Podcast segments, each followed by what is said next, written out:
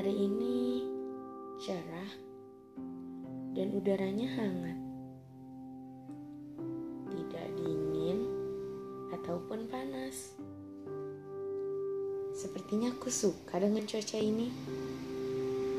Rasanya seperti pelukan yang hangat. Namun, saat menikmati itu, mengapa ada air yang melintasi pipi ini? Aku sendiri tidak tahu mengapa. Rasanya begitu hampa. Ada yang kurang sepertinya. Hmm, annoying sih.